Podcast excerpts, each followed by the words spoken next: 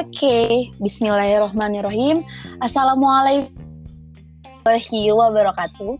Perkenalkan, nama gue Marwah. Di sini gue bakalan sharing santai dengan rekan rekan kuliah gue yaitu Nabila. Hai Nabila. Hai. Aduh, gimana nih kabarnya setelah lockdownnya lama banget? Ataukah kegiatannya ada kegiatan yang baru atau masih kegiatan yang seperti sebelum-sebelumnya? Uh, kabarnya baik, alhamdulillah. Kalau untuk kegiatan ya ya masih kayak seperti biasa lah, seperti kayak tiga empat bulan lalu ya kan masih online, apa apa online, apa apa video call gitu-gitu aja sih wa. Kalau lo sendiri gimana?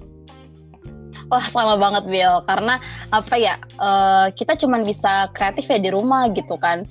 Selain kuliah ya palingan kalau gue pribadi sih ya gimana ya berusaha produktif di rumah. Ya mungkin dengan buat channel YouTube atau ya gitu sih Bil cuman sekedar pengen nyoba-nyoba gitu kan. Karena uh, gue tuh orangnya tipenya penasaran gitu Bil kalau nggak nyoba ya nggak bakalan tahu. Oh iya Bil sebelumnya kita bakalan ngajak satu rekan lagi nih yaitu Bang Dol. Tapi karena nggak tahu Bang Dolnya lagi di mana, mungkin lagi OTW masuk podcast. Jadi untuk saat ini dia belum join gitu.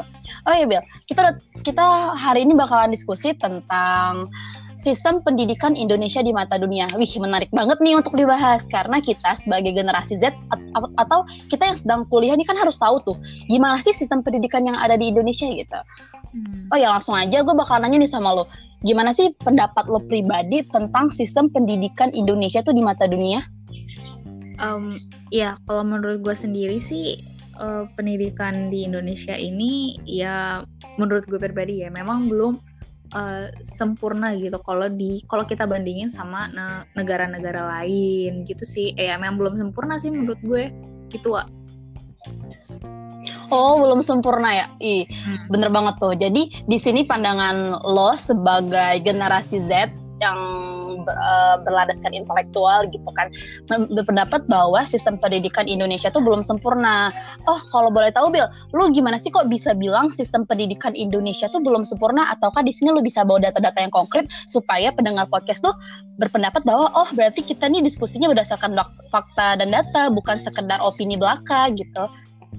Oke, okay, jadi di sini uh, gue pengen bawa data yang gue dapat di internet dari PISA 2018 yaitu Program for International Student Assessment atau bahasa Indonesia itu bahasa Indonesia itu program penilaian pelajar internasional.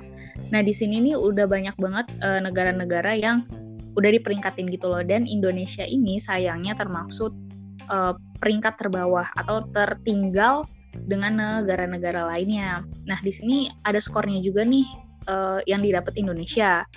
Indonesia itu dapat skor 371 di hal membaca, 379 di matematika dan 396 di ilmu pengetahuan.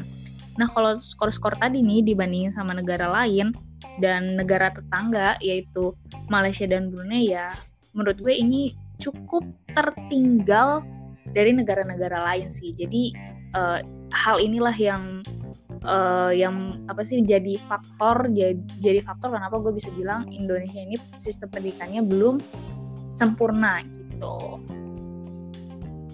Oh gitu cakep banget nih berarti di sini lo tuh bawa fakta bukan sekedar pendapat lo pribadi gitu ya. Keren keren keren. Oh iya kalau kita analisis juga sih sebenarnya kita gitu ya sebagai mahasiswa gitu kan masih uh, masih bertanya-tanya tentang sistem pendidikan di Indonesia gitu kan. Kita bisa sih ngeliat atau analisis sendiri sistem pendidikan Indonesia masih tertinggal dari negara luar gitu kan seperti Malaysia dan Brunei. Padahal kalau kita pikir-pikir sejauh ini Indonesia tuh udah bekerja dengan baik gitu ya. Kalau kita pikir-pikir Indonesia tuh udah berjuang, tetapi masih aja namanya kita tertinggal dari negara-negara lain, terutama negara tetangga gitu kan. Apalagi yang tadi yang lu bawa data berdasarkan tentang minat baca ataupun dalam bidang-bidang lainnya. Kalau kita analisis emang bener sih Indonesia tuh masih minat baca atau minat literasi itu masih bener-bener apa ya Bil? Masih bener-bener kurang gitu gak sih? Mm-hmm. Karena ya biasa warga plus 62 kan kayak gitu ya. Maksudnya mm-hmm. dia lebih senang uh, menerima secara singkat daripada membaca kan sedikit membosankan. Iya gak sih Bil kalau dapat lo? Yup, yup banget.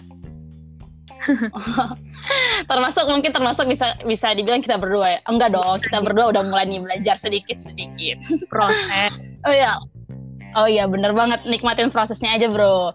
Jadi di sini gue pengen nanya nih sama lo. Uh, berdasarkan tadi lo udah nyantumin fakta nih. Hmm. Indonesia tuh peringkat sekian-sekian gitu dari dari 77 negara gitu kan. Di sini gue pengen nanya, uh, kenapa sih faktor-faktor yang menurut lo pribadi yang sangat membuat Indonesia tuh sistem pendidikannya tuh jauh tertinggal dari negara-negara negara-negara lain, terutama negara tetangga, Bill?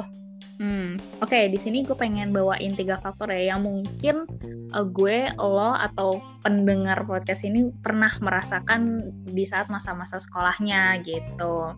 Yang pertama nih ada uh, banyak banget uh, hal-hal yang diujiin menurut gue dari mulai UAS, akhir semester, terus TS, ujian tengah semester, terus ulangan harian dan ulangan-ulangan lainnya gitu.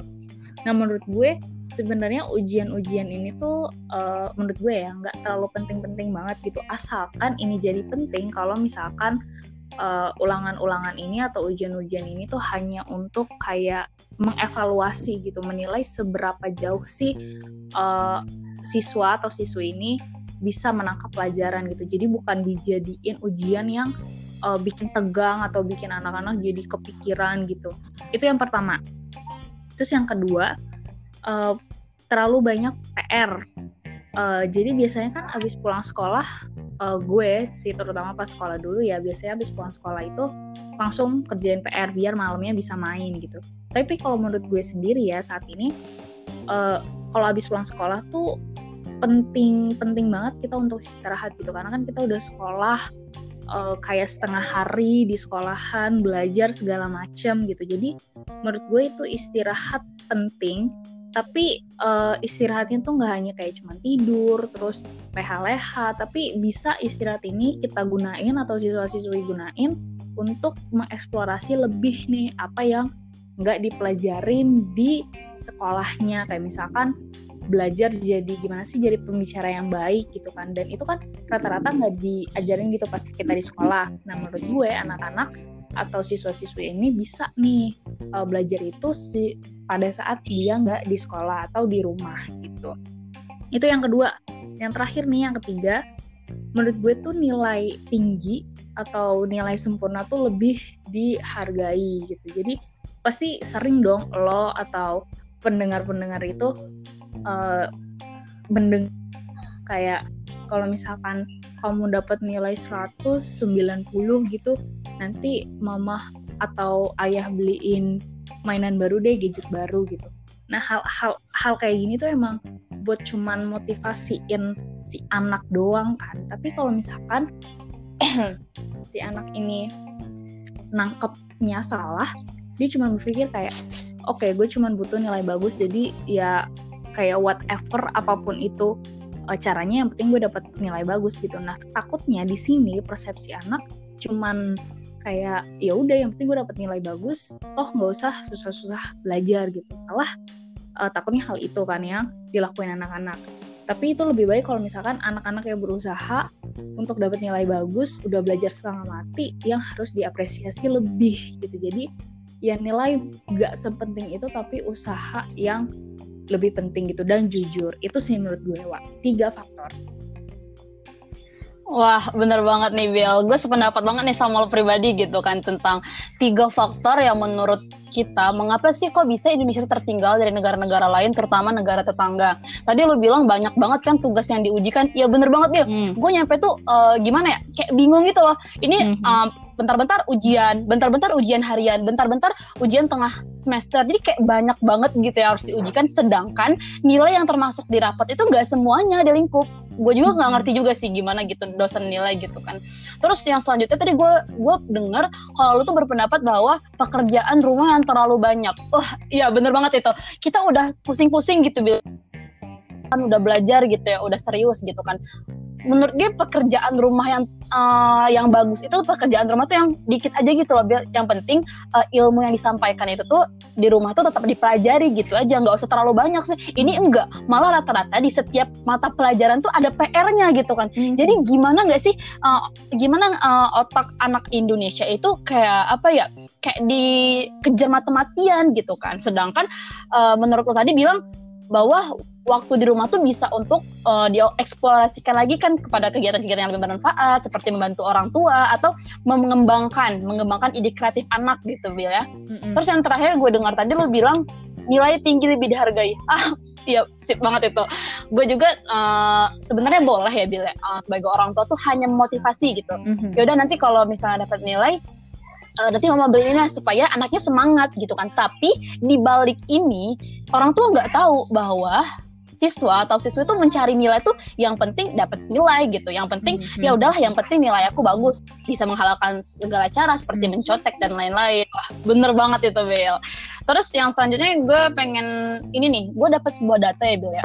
Uh, menurut pengamat pendidikan menurut pengamat pendidikan Bapak Budi Trikorayanto berpendapat bahwa ada tiga faktor yang mempengaruhi mengapa Indonesia itu bisa tertinggal dari negara lainnya. Pertama kualitas pengajar kualitas pengajar, yang kedua sistem pendidikan yang membelenggu, yang tiga lembaga pendidikan yang perlu pembenahan. Ah, di hmm. sini gue pengen bahas, lu bilang gue pengen bahas kualitas pengajar ya. Entah lu setuju atau enggak, tapi ini persepsi, persepsi gue ya. Kualitas pengajar di Indonesia tuh kayak apa ya? Kayak kayak kurang kreatif gitu loh. Oh iya, selamat datang Bang Dul. Ya Allah, dan akhirnya sampai juga gitu kan. Hai Bang Dul, say hi. Hai. Nah, gimana nih kabarnya? Semoga baik-baik aja ya. Alhamdulillah baik. Jadi kita tadi udah diskusi nih Bang sama Nabil sampai faktor tentang apa faktor pengamat menurut Budi Trikoratyo mengenai pendidikan di Indonesia itu. Di sini gue pengen bilang tentang kualitas pengajar bahwa kualitas pengajar Indonesia itu bisa dibilang apa ya belum terlalu maksimal gitu karena di sini kualitas pengajar hanya satu arah guru sebagai guru, murid sebagai murid. Seharusnya kalau menurut gue pribadi itu uh, antara guru dan murid itu harus saling diskusi gitu, tidak hanya satu arah atau linear gitu. Kemudian kualitas pengajar di sini, kenapa sih mahasiswa eh mahasiswa, kenapa sih siswi atau siswa itu tuh kayak males gitu sekolah ya? Karena mungkin uh, guru atau pengajar tuh kurang kreatif dalam menyampaikan sebuah sebuah apa ya sebuah mata pelajaran gitu kan. Gue juga pernah dengar menurut menurut Ustadz Adi Hidayat sebenarnya nggak ada orang nggak ada sebenarnya nggak ada apa siswa atau siswi yang bodoh. Tetapi hmm. cuman adanya itu guru yang kurang kreatif. Bener nggak hmm. Bill hmm. terus gue pengen nanya sama lu Bill menurut lu gimana sih tentang sistem pendidikan yang membelenggu? Itu gimana sih membelenggu? Gue di sini masih kayak ambigu gitu loh.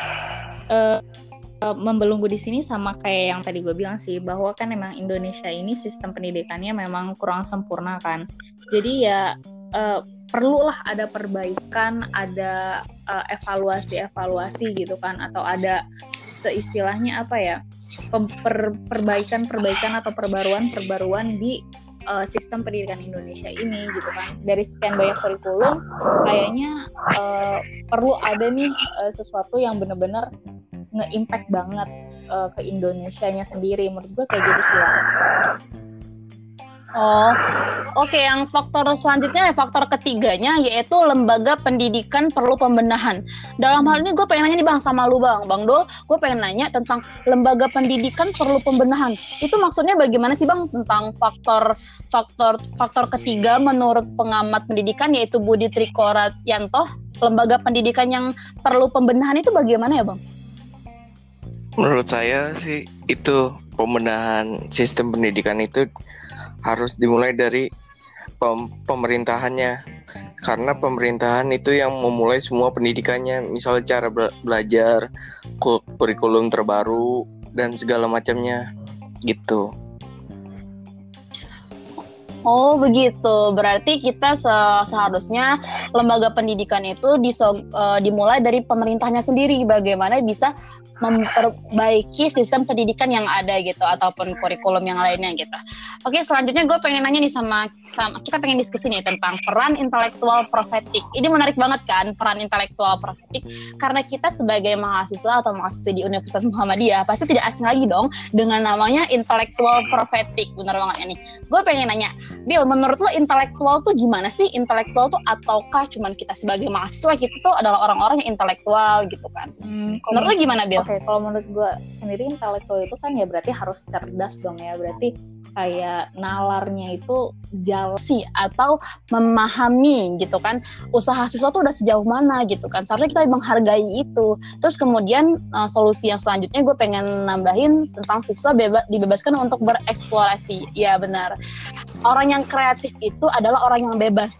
Dalam artian orang yang bebas adalah orang-orang yang apa ya yang bisa mengembangkan pikirannya. Wah mantep banget nih akhirnya diskusi kita akhir ini diskusi kita pada pagi hari ini berakhir.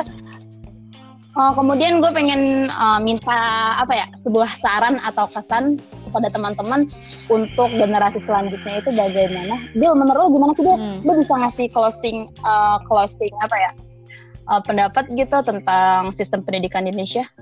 Uh, ya menurut gue ya memang sih dari tadi diskusi-diskusi kita bahwa memang uh, Indonesia ini sistem pendidikannya pendidikannya itu memang ya belum belum sempur sesempurna itu gitu. Tapi uh, itu jadi kesempatan juga nih buat para muda-mudi uh, buat uh, apa ya meningkatkan lagi nih kualitas-kualitas dengan terus belajar dengan terus uh, atau enggak meneliti uh, analisa research di mana-mana biar uh, kualitas pendidikan Indonesia ini seenggaknya bisa uh, naik peringkat lebih jauh lagi dan ya anak-anak jadi jadi pintar semuanya gitu. Jadi menurut gue ya itu sih